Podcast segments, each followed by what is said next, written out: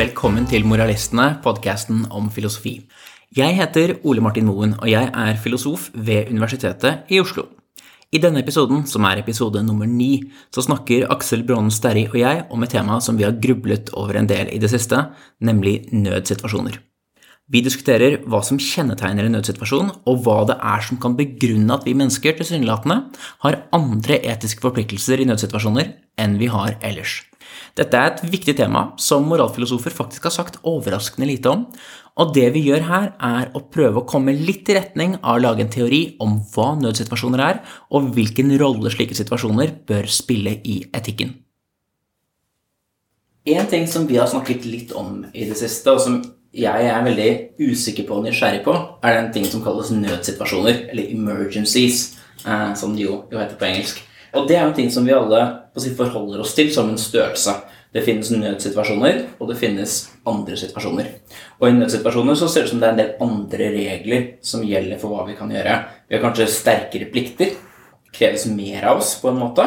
Større ofre, f.eks. Må løpe og hjelpe noen ut av et brennende hus, f.eks.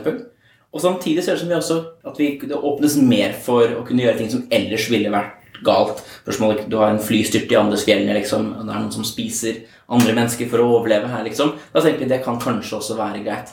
Så her har man disse slags lommer av, av tilfeller da, hvor det ser ut til å gjelde litt andre regler. Og det er veldig spennende og moralfilosofisk. Hva er det som kjennetegner disse tingene vi kaller nødsituasjoner? Og hvordan forholder de seg til denne større helheten? Er de bare ekstreme på en måte? Eller er det helt andre regler som gjelder der? Så det, det er en, et sånt eh, problemområde som kanskje særlig gjelder da, fordi filosofien, altså moderne analytisk etikk, bruker mange nødsituasjoner for å sette ting på prøve. For å på en måte, De druknende barn-eksempelet til Peter Singer, f.eks. Eller sånne trolley cases. Dette er jo nettopp nødsituasjoner. Så gitt at eh, det ser ut til å være andre regler for nødsituasjoner, så er det jo litt underlig eh, at vi bruker dem som eksempler for å finne ut etiske prinsipper generelt. Så det hadde vært en eh, Kanskje først, da, er eh, Hva er denne tingen vi kaller en nødsituasjon? Hva kjennetegner egentlig en nødsituasjon, liksom? Det var mulig å kanskje ta for oss noen sånne typiske tilfeller av nødsituasjoner. Mm. Du sier at det er brennende bygninger, eventuelt at nettopp noen holder på å drukne. Eh, vi ser kanskje på flom og jordskjelv som kan også på en måte skape nødsituasjoner. Og det som ser ut til å være på en måte i tilfellet i alle disse her, er jo at det er, i fall, det er liv og død som ofte står på spill. Eller iallfall noe alvorlig. Vi kanskje ser det som en nødsituasjon hvis noen brekker en arm. og sånn også, Så det trenger kanskje ikke være så alvorlig at noen nødvendigvis står i fare for å dø. Men likevel så er det en sånn Det kanskje er en skille som er interessant, som virker litt rart. At det er, det er fysisk eh, eller en fare for måte, kroppen vår at den ikke skal fungere lenger. Det kan se ut at noe som jeg bare tenker litt på, at det virker til å være ikke sant, Si du har en fyr som er på vei mot et uh, Han har et uh, forretningsmøte. Mm. Et kjempeviktig forretningsmøte. Og så brekker han beinet på vei dit. Mm. Han syns det at han brekker beinet, det ordner seg en eller annen gang. på en måte Det er ikke, det er ikke viktig, men dette businessmøtet han skal på, er helt enormt viktig. Og så iler folk til og sier de 'Herregud, vi må få deg på sykehus'. Og så sier han 'Nei, nei, ikke få meg på sykehus. Jeg, skal, jeg må rekke dette forretningsmøtet. Noen må sende en e-post til han jeg skal møte, eller SMS, og så må dere få meg en taxi til dette møtet'. Da tror jeg i fleste tilfeller folk tenker 'Jeg ser at du har noen interesser her som er, handler om forretningen din', og sånn, men det vi skal håndtere her nå, det er nødsituasjonen du er i, som er at du har brukket beinet så er det sånn, det sånn paternalistisk eh, syn på hva som i så fall er nødsituasjonen her, så vi får ikke lov til å definere det selv. Jeg har en kjempekrise her. Jeg rekker ikke til forretningsmøte, men det er først når på det kroppene våre sliter, at vi kanskje kaller det en nødsituasjon. Og Paradokset her oppstår jo da fordi at La oss se for at det er mer komplisert å få ham til et sykehus enn å få ham på businessmøte. Så det krever på en måte et større offer fra de som måtte være i nærheten å få ham til sykehuset. Men likevel tenker vi at det plikter de å gjøre. Det vil være et mindre offer å få ham på dette møtet, men det plikter de ikke å gjøre. Så det, selv om dette er viktigere for ham La oss si han ikke bare tror det er viktigere, det er faktisk viktigere å få dette, fordi benet kan man fikse i ettermiddag, liksom. Dette møtet kan man ikke. Så jeg synes det altså som om du kan få Den som skal hjelpe seg, er jo den mannen, da. Og de har på en måte en plikt til å hjelpe. Men så de kan gjøre en mindre plikt for å realisere et større gode. Men det trenger de ikke å gjøre. Og, og, og, det er jo paradoksalt. Her har vi på en måte et, et paradoks. Her har vi et, noe som i hvert fall synes underlig. da. Det er ikke gitt at dette på en måte sier oss veldig mye om hvordan nødsituasjoner er, men det er på en måte en slags vei inn i at uh, her er det et eller annet som skurrer. Så hva kan det være som skurrer? Hva, hva er det som for, kan forklare dette? Altså, det du har iallfall en sånn evolusjonær teori da, som jeg syns var litt fiffig. ehm, som er at uh, vi kan tenke, Hva er det vi, når vi på en måte iler til i en nødsituasjon Hva er det vi på en måte egentlig driver med? Er det på en måte ren altruisme? Eller er det noe annet som eh, spiller inn? Og da kan man tenke at eh, da vi mennesker ble laget på et vis, altså da vi fikk våre intuisjoner formet og slike ting, langt tilbake i eh, steinalderen og hva det var, så er det utrolig viktig for oss å ivareta vår partner eller vår på en måte klanmedlemmers eh, evne til å fortsatt være produktive medlemmer av disse alliansene vi har. Så man kan tenke at her, der kommer det kanskje en sånn her formyndersk eh, ting inn om at vi må sørge for at ikke disse brekker beinet og dermed liksom blir helt uh, satt på sidelinja av uh, vårt felles prosjekt om å hente og jakte på ting og skaffe blåbær fra skogen og slike ting. Så vi på en måte prøver å gjenopprette normaltilstand ved å på en måte få dem på beina igjen, og det er det som er vår viktigste arbeid. Fordi vi faktisk da ikke bare gjør dette av hensyn til dem, men vi investerer på en måte i deres framtidige eh, bidrag til vår felles produktivitet. da. Og kanskje bidrag tilbake til å hjelpe en selv også, da, hvis man, hvis man selv skulle, skulle, skulle trenge det. Ja. Men, men synes som om okay, det, det er jo to, to diskusjoner her. Det ene er hva som gjør noe til et nødstilfelle. Hva er det som måte, kjennetegner det? Og så er det spørsmålet okay, hva er det som kan rettferdiggjøre dette? altså Hva er det som er på en måte begrunnelsen for det, og hvilke tilfeller er det? Men det synes som om at, en del av de tingene som nødstilfeller har til felles, da, det kan liksom si ensom, som er sånn, si, beskrivelse av hva et nødstilfelle er, er jo også at det er tilfeller der de normale reglene ikke lenger gjelder. Og Hvis du bruker den definisjonen, så er det, nesten, er det jo veldig paradoksalt å bruke nødstilfeller for å finne ut hva som er de generelle etiske forpliktelsene våre, for det er nesten per definisjon der vi skal gjøre et unntak. Så det synes som at hvis, noen, hvis du brekker armen nå, så har jeg en plikt til å slutte å diskutere det jeg gjør nå, og finne ut ok, hva, er det jeg, hva, er det, hva kan jeg gjøre for å hjelpe deg. Og det samme vil hjelpe på gaten. altså Hvis noen snubler, slår seg, noen får en hjertestans osv., så, videre, så er det slik at ok, da må vi som er rundt vi, vi kan ikke bare gå videre på vei til jobb og på vei til alle disse viktige tingene vi gjør, men vi må faktisk gå ut av rollen vår og prøve å få stoppet dette. Og da er den forklaringen som du går her, da, det er også en slags sånn, på en måte et, et ønske om å en slags forsikringsordning, på en måte, da. Er det en måte å se det på? Ja, Der du på en måte Ok, det er, i noen tilfeller så er det så er det bra at vi alle gir oss, men hvis alle slutter å gjøre det vi gjør, og hopper ut av rollene våre Men det er klart, hvis samfunnet hadde altfor mye av dette, slik at du måtte gå ut av situasjonen din hele tiden for å hjelpe alle La oss si hvis for alle mennesker la oss si, de hadde et visst ubehag, da, så måtte alle som er rundt dem, bare da trykke de på en knapp, og så må alle de som er rundt, prøve å hjelpe dem.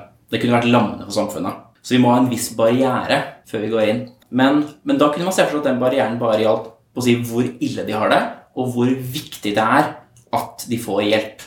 Men det er det jo likevel ikke, da. Med dette eksempelet med den, den forretningsmannen som brekker benet, da, så er det ikke egentlig bare det heller. Det må være en skade av en viss type som er det, er det relevante. Hvorfor det? Hva kan det være? Altså, Ayn Rand har en uh, teori som jeg, kan jeg få hjelpe oss litt på veien. Jeg tror ikke den kommer helt i mål, men hun sier det som måtte nettopp kjennetegner disse nødsituasjonene, er at eh, de er på en måte hun kaller det metafysiske abnormaliteter. Og det høres mer fancy ut enn eh, det egentlig er, men det er på en situasjon hvor vi ikke kan overleve. Ikke sant? Vi holder på å drukne. Vi, kan, vi er mennesker som ikke kan overleve i vann altfor lenge. Eller en brennende bygning, så er det på en måte vi kan ikke overleve i møte med, med brann eller uh, disse flammene. Og for så vidt det blir på en måte Du kan overleve for så vidt med en, eh, med en brukket arm eller brukket bein, men likevel så vil det på en måte i stor grad gå utover din normale funksjonsmåte. da. Det hun mener nettopp er da fellestrekket, og det som på en måte vi prøver å få til når vi måte skal gripe inn i disse situasjonene, er å på en måte få noe tilbake til normalen.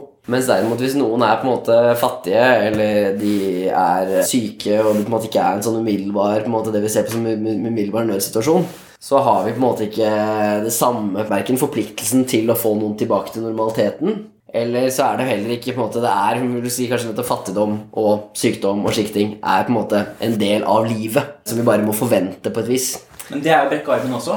Det er også en, del av livet. På kanskje omtrent samme måte. Så hva, hva, er det da Så det ser ut som dette, dette på en måte ikke egentlig forklarer hva som gjør at vi skal gjøre unntak i noen tilfeller, og ikke i andre. Og Det åpenbare vil være å si vi gjør unntak der det er viktig å gjøre unntak. Men kan det være at den type unntak vi skal gjøre, er unntak hvor det ikke er så lett å jukse? Det skal ikke være lett å få det slik at du bare vil ha hjelp, og så får du hjelp. Det må være en form for sånn objektiv målbarhet ved det. da, Og det må være en åpenbart kostbar situasjon for deg å være i også. Ellers så vil alle kunne utarme dette systemet ved å påberope seg å være i en nødsituasjon. Så hvis du ser at armen står feil vei, liksom, da, da skjønner du at her er dette er for real. Men hvis noen sier at oi, businessmøtet mitt det er så viktig at jeg må bare komme meg dit, du kan tenke at ok, dette kan mange finne på å si. En, det, det koster ikke noe å si det. Så dette kan være usant. Og kan det også være en slags sånn epistemologisk da, måte å ha en slags kontroll på hva slags type nødclaims du kan gjøre, da, slik at ikke individer kan utarme skal si, ressursene våre til å kunne håndtere reelle nødsituasjoner. Ja, men det som Da skulle du kanskje tenke at hvis du f.eks. får kreft, da, som er vanskelig å fake Så lenge kreften dreper deg, på en måte det tar litt tid, og du ligger på en måte om det er på sykehus eller uh, tidligere vi ikke hadde sykehus, så er det likevel ikke en nødsituasjon på samme vis. Men hadde det vært hvis vi kunne hjelpe dem? Det er det, jeg, jeg, Fordi det. her kan man jo si at ok, men hvis noen dør og du ikke kan hjelpe dem, Ja. da kan man si at ok, da, da, da er det ikke en nødsituasjon. For da, får du jo, da er det ingen grunn til at man skal endre handlingene sine. Men la oss si at du hadde en Du kunne få tak i en kur for dette. Du kunne eller La oss si organtransplantasjon, f.eks. Kan være et sånt tilfelle. Det vil vi egentlig ikke ikke se på som en nødsituasjon. Og da er spørsmålet er det slik at de for si, samfunnet som helhet da, ikke er i vår interesse å gå inn i en slags avtale med andre der det er en nødsituasjon. For da får vi kanskje hjelp hvis vi selv havner der, men det vil koste så mye for oss og måtte hjelpe så mange andre at den dealen likevel ikke er verdt det. da. Det var nettopp det på en måte, ikke sant? Hvis fellesnevneren her er en form for sånn ikke sant? Hva vi orker å gå med på av eh, kontrakt, eller på en måte hva vi, hvilke måte ofre vi ønsker å gjøre, så virker det mer rimelig. ikke sant? At det nettopp er sånn Ok, er det, må vi på en måte utarme oss når det kommer til ressurser til kreftbehandling, eller om det nettopp er å gi bort en nyre, så er det på en måte et for stort offer i bytte mot at vi også skulle få en eh, nyre, kanskje, hvis vi havner i en situasjon. For det er tross alt så liten sannsynlighet for at vi havner der, da. Så at det er en form for sånn det er en eh, helt eh, Spørsmålet er selvfølgelig hvor er det denne kontrakten inngås? Eh, hvor er det disse måte, intensjonene kommer fra? Men dette ser ut til å komme nærme det jeg tror vi anser som nødsituasjoner, når vi har forpliktelser til å hjelpe. da. Ja, Det er interessant at dette er noe som søker å begrunne normene her sånn ut fra en form for kanskje langsiktig egoisme, da, snarere enn en ren altruisme. Og det kan jo kanskje være med å vise da, hvorfor man ikke kan bruke så veldig lett eksempler fra altså bruke nø nødsituasjoner til å vise hvor store forpliktelser vi har. For det kan hende vi har forpliktelser overfor andre, men når vi hjelper folk i nødsituasjoner, så hjelper vi dem egentlig litt med altså, egoismebudsjettet vårt også. Da bidrar vi til å opprettholde dette samfunnet, som er bra for oss, oss alle. Og spørsmålet om dette her kan være med å forklare da, en del ting som at nødsituasjoner synes å være kontekstavhengige. Hvis du går på gaten i et veldig fattig land, så kan det være mye mye som skjer på gaten der som er forferdelig, og som i et mye rikere land hadde kvalifisert som en nødsituasjon, men som likevel ikke gjør det. Fordi i den konteksten som er så fæl, da, så hadde på en måte dette vært innenfor der vi måtte, måtte legge fra oss alt vi har i hendene og løpe til, så hadde vi ikke fått gjort, gjort noe som helst. Mens i en annen kontekst så er det kanskje mer. Og et annet funn også er jo at man har jo prøvd å se hvis noen ligger på gaten f.eks., noen som ber om penger Hvis de går kledd i en dress og ser veldig businessaktige ut, så er det mye mer sannsynlig at de får hjelp, enn hvis de ser ut som noen som kunne være en uteligger. Og da er spørsmålet her, da. Ok, Du ser at for Dette kan ikke være fake, kan man først tenke. En med dress ville ikke ligge på gaten sånn som dette her, sånn, med mindre det virkelig var en nødsituasjon, for vedkommende påtar seg en slags kostnad da, ved å, ved å gjøre det. Og Samtidig kan man kanskje tenke at dette er noen som også ville hjulpet en selv. da. Så, så her er det noen som vil si at ok, her er diskriminering. Her ser vi diskriminering mot de som ser fattige ut. Eh, og det er jo sånn sett riktig at det er det, men, men kan det være en slags sånn forklaring her, da? At vi føler oss forpliktet til å hjelpe dem som vi tenker at ikke søker å underminere systemet, og som også ville ha hjulpet oss tilbake. Det eneste må jo være at det må være en viss form for indirektehet når det kommer for til prototypen av den vi ønsker. Der er jo nettopp en jente som holder på å drukne. Ja. Og vi tror ikke at eh, barn kan redde oss når vi holder på å drukne. Men da er det kanskje mer en langsiktig greie vi har med foreldrene deres. Eventuelt at de vokser opp til å bli noen som kan hjelpe oss. Eller de er noen som oss, selv om de ennå ikke har vokst opp til å bli noen som eh, kan hjelpe. Da. Men vi trenger iallfall en viss form for sånn å være en indirekte her, eller mer langsiktig plan vi for, i så fall eh, har. da. Og, og dette er spennende. ikke? Hvor går disse cutoff-punktene da, mellom at vi skal hjelpe og at vi ikke skal hjelpe? I en del biter av samfunnet så kan man være ganske komfortabel med en slik glidende overgang. For Da kan man si at ja, det er en borderline case. Du, må, du si, vet ikke nøyaktig hvor grensen går, men jo lenger ut, jo mer må du hjelpe. Men det som er med nødsituasjoner, er jo at de er mye mer ekstreme. Så hvis du skal Det er på en måte mye mer binært. da Hvis du skal hjelpe, så må du legge fra deg alt du har i hendene, og hjelpe til. Men det er ikke noe du kan gjøre litt. Så hvis noe ligger på grensen her sånn, så er det veldig vanskelig å finne ut hvordan man egentlig skal håndtere det. Og det, jeg tror også når noen da lager litt sånne si, harde linjer i sanda om at det her skal man ikke hjelpe, så er det lett å kunne si at dette er en form for egentlig veldig kynisme. Og det er kanskje også kynisk i noen grad. Men samtidig kan det også være en tanke om at ok, hvis vi lar denne grensen komme nærmere og nærmere oss, det er mer og mer vi faktisk må trå ut av livene våre for å kunne gjøre, så vil vi til slutt bli spist opp av plikter som vi har overfor de rundt oss. Derfor må vi sette en grense et eller annet sted. Ja, Og ikke bare bli spist opp, men jeg tror også det vil gjøre at eh, ikke sant? Det å slippe alt bare i hendene og prøve å fikse en situasjon, er på en måte en veldig ofte en ineffektiv måte å hjelpe på. da. Altså, Og i noen sånne ekstrem nødsituasjoner hvor ting skjer helt umiddelbart ut av det blå eh, du er kanskje den eneste på stedet, og det er noen som da nettopp holder på å dø, eller det er en kjempealvorlig situasjon, så har vi både Selv om vi kløner det til, så var på en måte alternativet at noen hadde dødd. Så vi, eh, vi kan på en måte tåle ineffektiv hjelping. Ja. Mens i mange andre situasjoner så er det ikke sikkert at den beste måten å hjelpe noen som f.eks. lider av fattigdom, eller sånt, er at vi kommer løpende inn og prøver å fikse noe i hjemmet deres eller prøver å få livet deres på kjøl. At det er på en måte vanskeligere. da, Så det er på en måte også en sånn type mer sånn konsekvensialistisk begrunnelse her for at vi nettopp bør sette begrensninger på hva vi bør anse som nødsituasjoner hvor vi iallfall skal slippe alt vi har igjen og løpe. da. Det kan jo være For en enkel person som er veldig fattig, så ville det beste vært om mange kom og ga penger. Men hvis man ikke på en måte ser bare på den personen, men ser ikke hvordan skal vi som samfunn håndtere de som er i deres rolle. Så det klart, Hvis noen brekker benet og er alene i en skog, og det kommer noen forbi, så, så vi ønsker at der skal det mest effektive er at den som er der da, hjelper og får dratt vedkommende eller hinket vedkommende til et eller annet sted da, hvor, de, hvor de kan få hjelp. Mens det kanskje ikke er det i det andre tilfellet, fordi det er så mange som ville kvalifisere her sånn. Og det er jo sånn, ikke sant, er, det er jo litt allerede det sånn, liksom, som man kaller sånn moral hazard-problematikk. At vi, hvis vi vet at hjelpen er nær, på en måte, så spekulerer vi litt i det. Eh, Ikke sant? Jeg var på treningssenteret nå, så vet jeg at jeg, det er en fyr i nærheten. Så da kan jeg bare legge litt på mer vekter enn jeg ellers ville gjort. Hvis jeg visste jeg var helt aleine, ville jeg plutselig ligge der med stanga på brystet og ikke kommet meg ut. Men siden det er noen i nærheten, så kan jeg prøve meg litt. ikke sant? Så setter jeg meg selv sånn sett i en farlig situasjon. Jeg spekulerer i at andre kan hjelpe meg. Så sånn er jo alltid. Sikkert sånn fjellklatrer også, vil jeg tippe. Det er ingen av dem som ønsker å bli stuck på et fjell, men likevel, siden man vet jo at noen kanskje kommer og på en måte hjelper en hvis uh, man blir uh, sittende fast der. Selv om det da det er en nødsituasjon, vi tåler det, på en måte, for det er ikke så mange som driver med fjellklatring, men de spekulerer litt i det. Man kan tenke at den moral hazard-problematikken der er på en måte større på mange andre områder av livet. Når det kommer til fattigdom, f.eks. Hvis det var slik at eh, noen som var eh, fattige, de, da måtte vi, hvis de var litt fattigere enn oss, så måtte vi løpe over og gi bort det vi hadde. Så ville mange spekulert i det, eh, framfor å på en måte ta den harde veien og prøvde å komme seg ut av dette. Eventuelt at det nettopp er bedre måte for oss som samfunn som å legge til rette for at noen får arbeidsledighetstrygd eller et eller annet sånt som uh, likevel ikke har disse negative effektene. Hvis man skal, skal nærme seg det problemet her da, fra et konsekvensialistisk eller utilitaristisk perspektiv, da, eh, så kan det spørsmålet om noe er en nødsituasjon eller ikke, være et spørsmål om hvor stor kontekst skal man ta inn over seg. For du kan se for deg at Hvis man var en god utilitarist og effektiv altruist som søkte å gjøre samfunnet bedre, så er man eh, på vei til jobb. Peter Singer er på vei til Princeton på, på vei til jobb.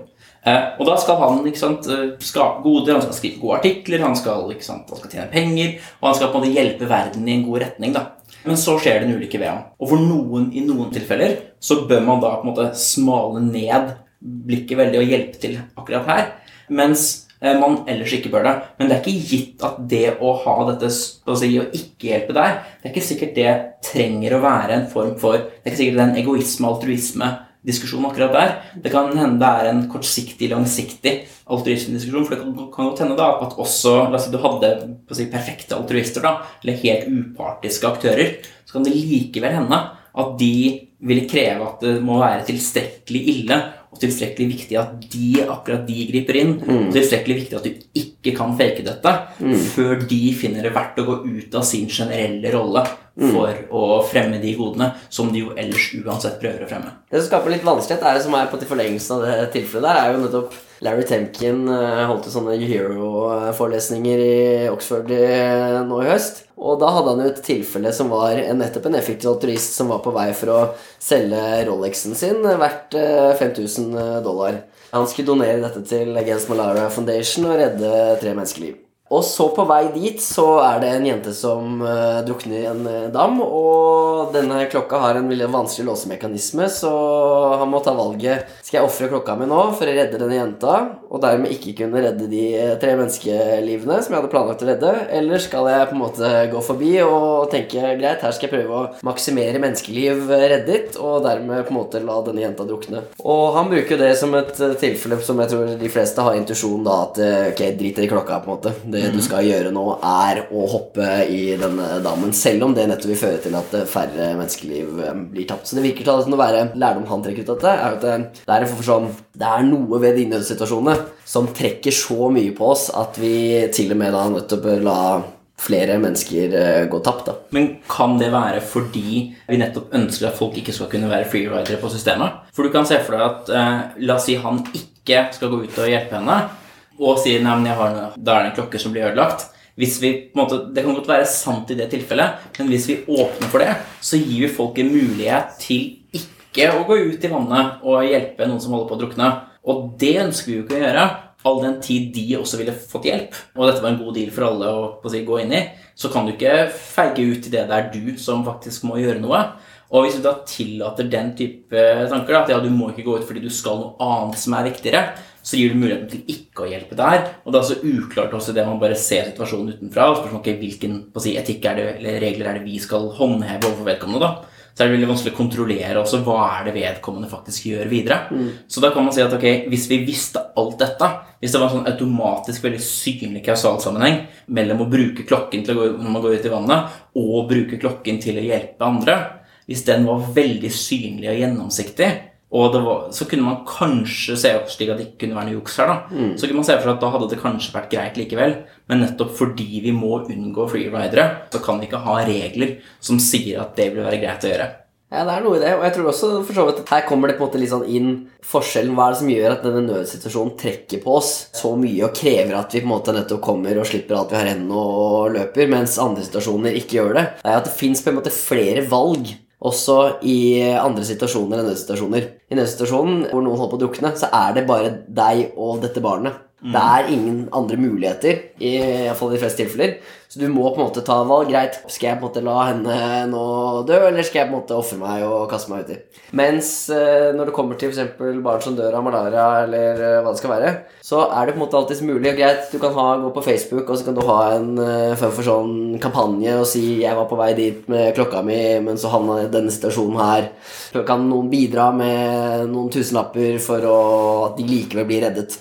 Så vi har på en måte, og det tror jeg gjelder en hel del andre situasjoner, hvor vi også tenker at på en måte, noen er døende. Det er like alvorlig. Vi kan redde dem med hjelp av på en måte, mindre penger enn vi, eller mindre risiko til vårt eget liv enn i nødsituasjonene. Men likevel så er det altså flere på en måte, strenger vi har å spille på, og da er det ikke heller det samme på en måte, kravet om at vi på en måte skal slippe alt vi har i hendene og, løpe. da. Men selvfølgelig kjipe konsekvensen av det er jo at vi har mer å spille på, men vi ofte ikke spiller på de strengene likevel. Så vi ender da med å la folk dø, selv om vi kunne på en måte med en liten kostnad til å selv reddet dem. Det er veldig spennende hvordan det forholder seg til altså, institusjonene. da, litt sånn større si, samfunnsmessige måten å løse ting på. Og En ting jeg tror er veldig, veldig interessant da for diskusjonen om nødstilfeller, er jo nettopp det at vi har det vi kaller nødetater i landet. Vi har noen som er, noen som er profesjonelle, og som søker å håndtere nødsituasjoner. Og for dem så er jo da nød egentlig ikke nød. Nød er jo da dagliglivet. eh, Når du jobber i en ambulanse eller de jobber i politiet eller brannvesenet. Og, og det er da jeg, jeg tenker Det er en litt sånn da underlig tilfelle der du får Der man potensielt tror jeg kan få ut en del interessante funn da, om hva nødstilfeller er. For vi tenker jo da, som du sa med å løfte vekter, f.eks., at hvis hjelpen er nær, da tør du å ta en større risiko. Mm. Samtidig ønsker vi jo ikke å, å si, underminere alt sammen med folk for at alle må hjelpe hele tiden.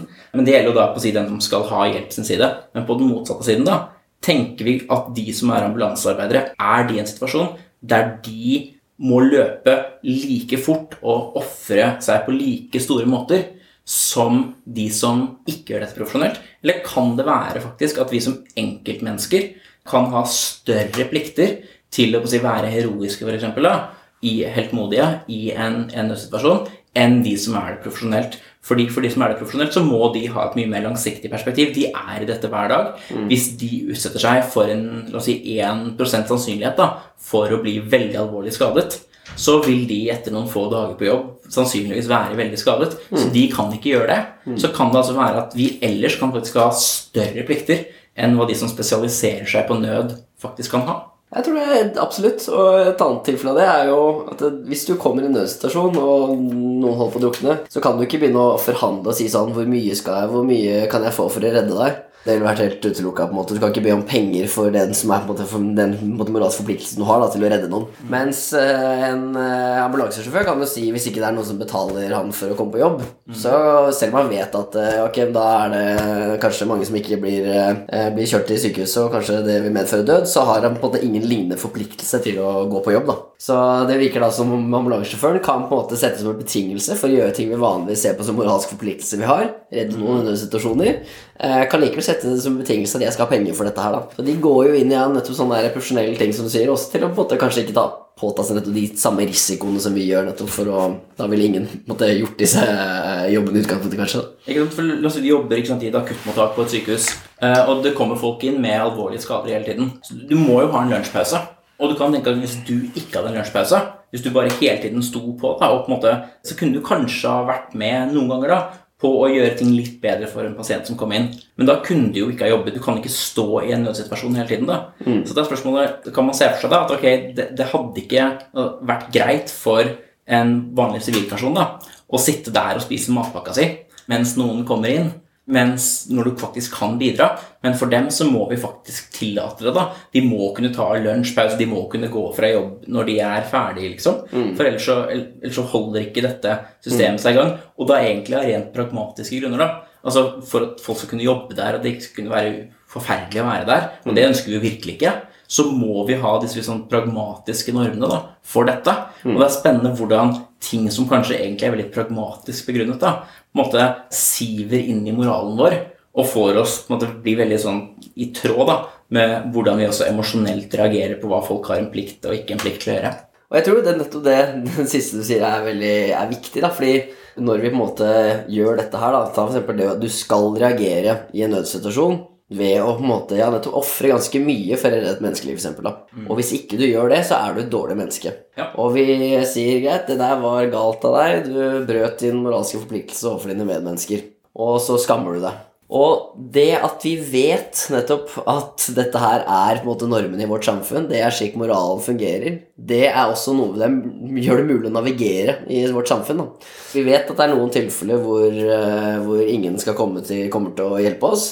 Og da må vi på en måte planlegge for det. Da må vi ta ekstra forholdsregler, eller hva det skal være. Mm. Mens i de situasjonene på en måte hvor vi da Greit, her Selv om jeg på en måte nå eh, går på det fjellet, og jeg har kanskje ikke tenkt så Det er mulig at jeg handler i en situasjoner nå, mm. men jeg vet også at eh, hvis jeg på en måte blir stuck her oppe, så er det noen som kommer og redder meg. Og, så det på en måte gjør at det er lettere for oss å bevege oss rundt i den verden vi lever i. da. Så kanskje en del av kjernen her da, er spørsmålet ikke hvor forutsigbart var det at dette kunne skje, eller i hvor stor grad kunne dette planlegges av mennesker. Og da kan man se for seg at hvis du tillater som nødsituasjoner, ting som det faktisk er mulig å planlegge, eh, slik at man skal unngå, så kan jo folk dytte veldig mye av byrden i sitt eget liv over på andre ved å nettopp da stille seg i en nødsituasjon.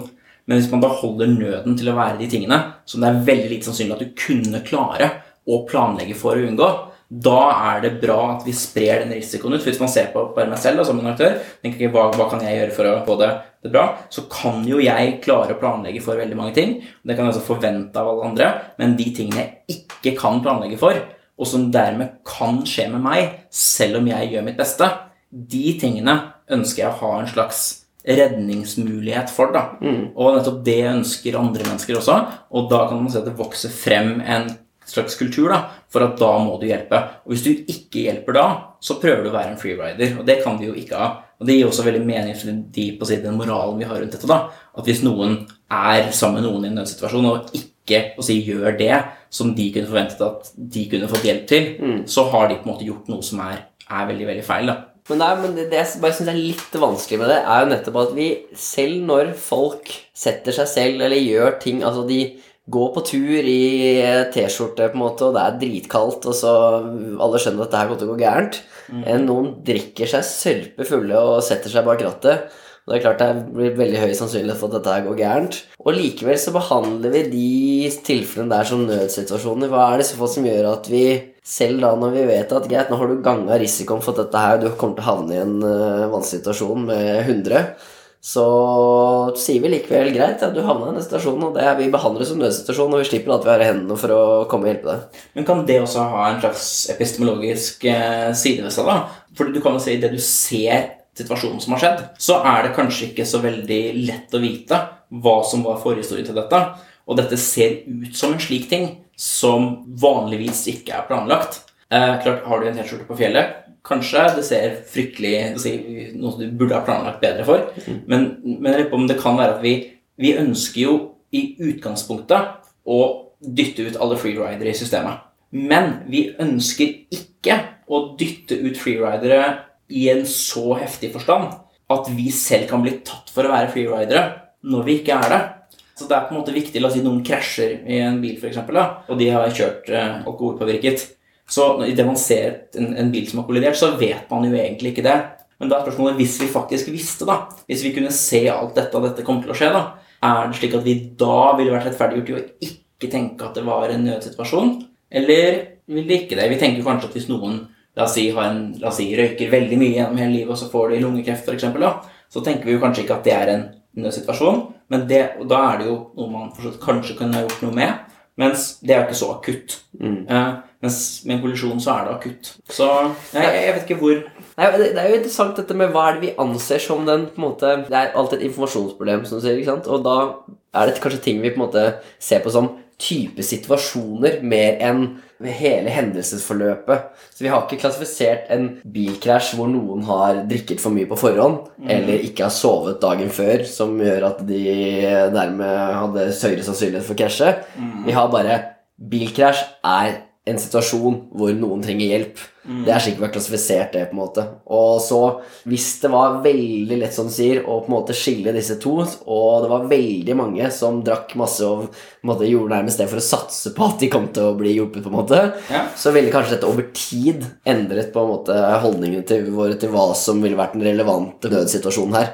Kanskje vi ville prøvd å skille ut nettopp eh, de nødsituasjonene i dag, eller bilkrasjene, som nettopp skyldes at noen har virkelig tatt noen dumme valg. da.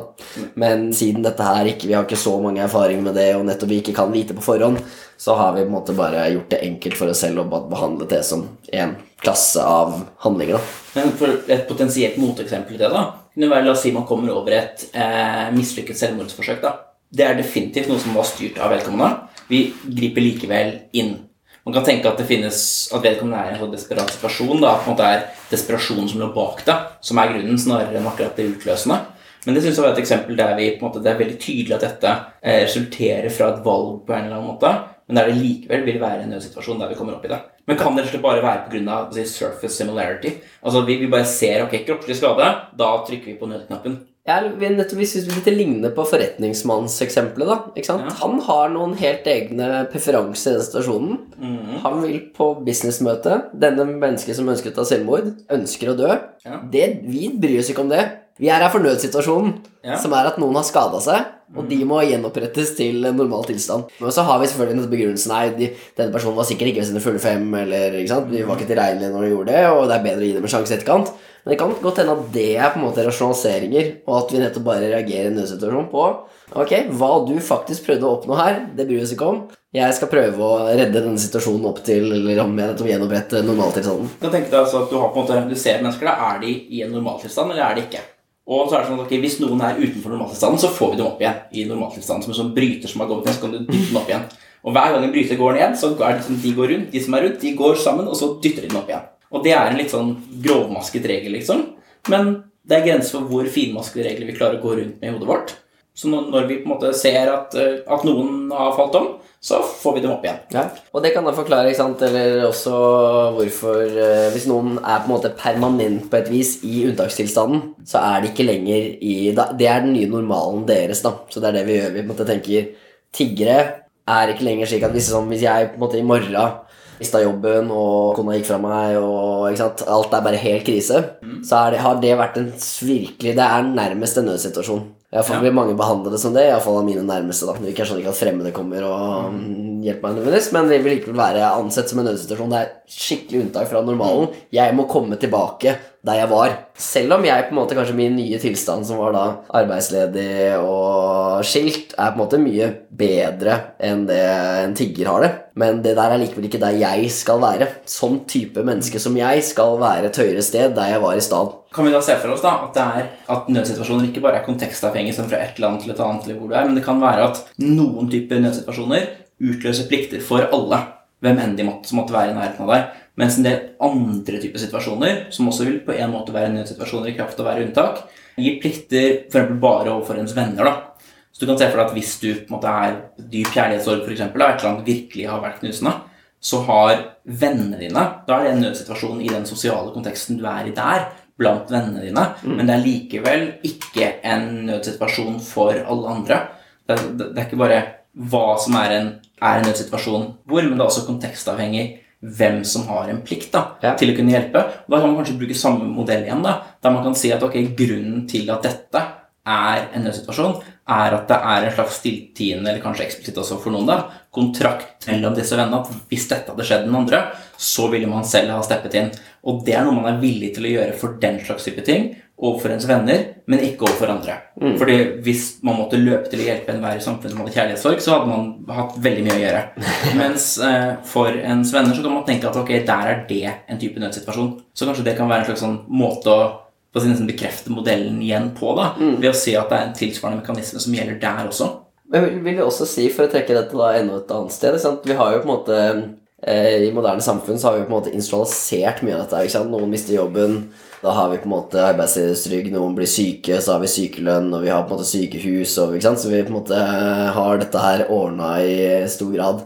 Er dette da liksom egentlig en formalisering av de pliktene vi egentlig ville hatt til hverandre? Til å på en måte Og her er det nødsituasjoner hele tiden, så vi har egentlig ganske høye forpliktelser til hverandre i samfunnet, men dette er bare tatt over av staten. Er det slik å forstå? Men da, hvis det er tilfellet, så er det på en måte spørsmål hvorfor vi er så strenge på landegrensene. Åpenbart er det ikke alle som bidrar inn i vårt samfunn heller, like mye som andre, men der har vi på en måte toleranse for at vi på en måte håndterer folk sine på en måte vanskelige situasjoner og er ganske sjenerøse med det. på en måte Mens vi syns at eh, selv om det er veldig lett for oss å redde liv i eh, Angola eller andre steder, men der på en måte tenker vi det er ikke noe vi trenger å gjøre. det, det, det med statens rolle her er jo sånn sett veldig interessant. da. Når man snakker om at okay, vi har en plikt til å gi til veldedighet, f.eks., vi har plikt til å hjelpe andre, så er, kan man jo, er spørsmålet okay, er det, er det man betaler i skatt, er det en del av det man gir til veldedighet, eller er det ikke det? Og på en måte kan du si at okay, en, du har en plikt til å gjøre det, og det hjelper også deg selv også, men det er jo et slags bidrag til det kollektive, da, og til det kollektivt gode. Og jeg kan jo da skjønne tanken om at ok, her har du bidratt på den måten som staten måte sier at du skal bidra, og her er du på en måte mer villig til å bidra også, fordi du vet at for hver krone du betaler i skatt, så må også andre betale inn. Og når du vet at andre vil oppfylle sin bit av kontrakten, så er du villig til å hjelpe mer. En slags pledging-ordning, ikke sant. Og, så da kan det jo være at nettopp det å få altså, veldedighet da, inn i det staten gjør, faktisk er bra. da, At effektiv altruisme, tanken om at man skal donere mye penger, da, kanskje har et problem ved seg. Både ved at den ikke nødvendigvis da trenger å være gjensidig, sånn som det blir med staten, og at det også på en måte man kan tenke at det vi som enkeltmennesker gjør overfor staten, kan være noe av det samme som vi også gjør ved å delegere til på å si, ambulansepersonell. Da. At vi profesjonaliserer. Vi, ikke minst får vi det ut av vår egen sånn horisont av hva vi trenger å tenke på i dagliglivet. Fordi hvis man selv skal tenke på dette veldig mye i dagliglivet, så da får folk veldig mye å tenke på i dagliglivet om dette. her sånn. Så Derfor er det bedre å si at ok, vi betaler så mye skatt, og da er det de som ordner dette. Da har på en måte gjort dette, og så kan jeg få lov til å gå videre. Siste spørsmål. Fordi sant, Det virker da som om sant, vi har på en måte i det, vårt rike, veletablerte samfunn, så har vi på en måte latt staten ta over en del av disse tingene her. Så det er en naturlig tolkning er på en måte at hvis vi ikke hadde hatt staten til å gjøre dette, så ville vi påtatt oss større forpliktelser overfor andre. Eller ansett flere ting kanskje som nødsituasjoner hvor vi på en måte hadde grunn til å på en måte gå inn og hjelpe. Men tror vi det er tilfellet, eller ser du ikke det som en implikasjon av eh, Nei, Det kan jo hende at vi hadde funnet alternative former for på en måte nesten samfunn da, som vi hadde inngått i.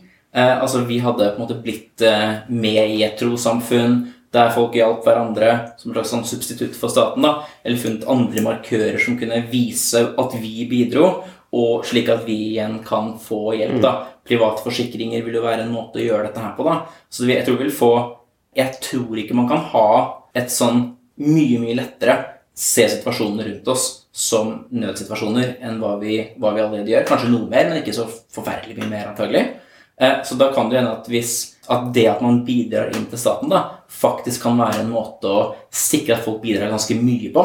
Fordi hvis denne ikke var der og ikke var omfordelende og ikke prøvde å løse disse problemene, så hadde vi ikke si, hatt insentiver og motivasjon for å bidra så mye som vi faktisk gjør, idet det er en stat som ordner det for oss. Nei, for det er, det er en godt poeng. For det, det, det er jo på en måte litt Vi sier jo at eh, nettopp nødsituasjoner sånn det er litt sånn eh, kontekstavhengig og litt avhengig av på hva som er forventet i samfunnet og slike ting.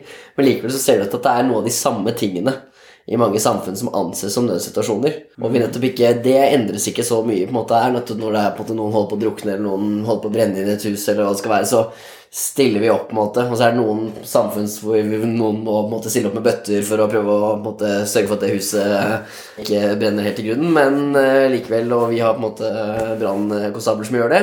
Men likevel så er det på en måte de samme type situasjoner som måte har nettopp disse tingene. At de er ganske sjeldne, og at de kommer uforutsigbare, og at, de har med, at det er noen som måtte sitt liv som står på spill. At det er noen disse kvalitetene som på tvers av alle samfunn anses som nødsituasjoner hvor vi har grunn til å hjelpe. Og det er jo litt interessant. Det synes jeg bare da han forklarer ut fra si, biologien vår nesten. Altså, hva er det? Så flammer er farlig. Mye vann er farlig. altså Alle disse tingene er farlig. Hvis de først holder på å drukne eller brenne, liksom, så er det, må vi hjelpe til ganske fort. Og du planla antageligvis ikke at dette kommer til å skje med deg. for Du vil ikke at det skal skje. Ja. Men her er, dette er spennende da, for i forhold til som kan nesten ser slags sånn konservativ implikasjon av dette. da hvis det er slik at det er gruppene vi tilhører, som er med på å litt bestemme våre plikter Du er på en måte med i verdenssamfunnet, veldig veldig vag størrelse, kanskje. Du er med i landet ditt, du er med i kanskje et trossamfunn, du er med i, eh, blant kollegaer, du har venner osv. Og hvis det er dette, og disse, disse markørene, disse kategoriene, da, som er det som gjør at folk får hjelp når de trenger det, og yter hjelp når de gjør det, så kan man jo se for seg at det at disse, dersom disse kategoriene svekkes, eller gjøres mer uklare, eller forvitrer og blir helt nye kategorier, som det vil ta lang tid å bygge opp forpliktelser innenfor, da, kan man se for seg at dette er en del av på en måte, knaggene da, som får folk til å yte og gi hjelp, og dermed at det er en ganske betydelig kostnad ved å endre den, denne type da, sosiale kategorier, som per i dag på en måte er bindeleddet, eller det som gjør da, at det faktisk skjer ganske mye på gjensidig hjelp. da. Men tenker du da kategorien Er det da nødsituasjon, eller er kategorien gruppen vi føler at vi er en del av? Altså, hvis, tanken her var at hva som er en nødsituasjon, er ikke bare avhengig av hva som skjer, men det er også spørsmålet ok, hvem er det det er en nødsituasjon for. Og da kan du se for deg at for din sosiale gruppe, ditt nabolag f.eks., så er det en del ting som er nødsituasjoner, selv om det kanskje ikke er det for folk, veldig langt unna. Så det er spørsmålet om, om disse, disse gruppene, tilhørigheten i samfunnet på forskjellige måter, om det nettopp er måter å få folk til å både få hjelp selv og til å yte hjelp når det trengs, og at en slags forvitring av disse da, gjør at på en måte, La oss si flytter for eksempel, da, til arenaer hvor det er vanskeligere å håndheve det. For eksempel, da. Ja. Dugnad, for eksempel, hvis folk flytter mye frem og tilbake i en by og ikke bor lenge på et sted, er det vanskeligere å håndheve det at man skal hjelpe til også. Så det er spørsmålet om du kan på en måte se en sånn systemisk på å si, svekkelse av hjelp da, ved en del kategoriendringer. ved å gjøre det lett å kunne hoppe fra en kategori til en annen. og slikt da. Så om det kan henge sammen med våre nødsforpliktelser. da. Det er ikke noe jeg har tenkt så mye på. Nei, men jeg- synes det er spennende. ikke sant? Det er jo også færre på en måte informasjonsproblemer, tenker man. ikke sant? man vi, vi inngår i ulike fellesskap. ikke sant? Og vi snakket om Hvis eh, du er- har kjærlighetssorg eller en ting skjer her, så vil folk nær meg kunne se om dette her er nettopp uh, ekte og jeg trenger hjelp, og i så fall hvordan type hjelp jeg trenger. eh, uten at det skaper veldig mange på en måte, moral hazard-problemer. da. Og Det samme kan man tenke seg sant, litt utover, ikke sant? om det er nabolaget eller om det på en måte er den religiøse fellesskapet. eller hva det skal være, Så vil det være på en måte ulike ting de tar seg av, da, og ulike ting de kan være gode på. Ja. Så det å på en måte svekke de vil på en måte kan godt være det da Det er vanskeligere kanskje å drive en god sånn håndtering av mange vanskelige situasjoner når alt på en måte dyttes opp på statlig nivå, hvis det er det som skjer Ikke sant, kan skje. det er Eventuelt kanskje alt flyttes ut i markedet. Ja. At alt blir veldig veldig statlig, og staten er på en måte Den har masse å gjøre, og den vet ikke om alt det lokale. Og den kan ikke alltid legge press tilbake igjen heller. Og passe på at du ikke får freeridere, f.eks. Den, kan ikke- den, den vet ikke så mye. Så det skjer en en delegering til det veldig veldig generelle når disse mellomnivåene da faktisk kan være, være gode. Klart, De kan også være veldig urettferdige. Det kan være veldig bra om noe av dette flyttes til staten også, da. Men jeg lurer på om kanskje om nødsituasjoner, da, og hva som er det, og hvem det er det for, kan være nøkkel til å forstå en del av kostnaden ved å gjøre det lett å gå ut og inn av grupper. Og begrunner en slags sånn konservativ tanke da, om at disse faste tingene i samfunnet ikke, ikke bør rokkes med fordi det har, kan ha vidtrekkende negative konsekvenser. Det må vi tenke mer på. Det må vi gjøre. Tusen takk for at du har hørt på podkasten vår.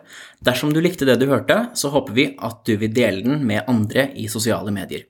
Du finner alle episodene våre på moralistene.no, og du finner oss også med samme navn, Moralistene altså, på Facebook og Twitter og i din podkast-app. Takk for nå, så høres vi om en ukes tid.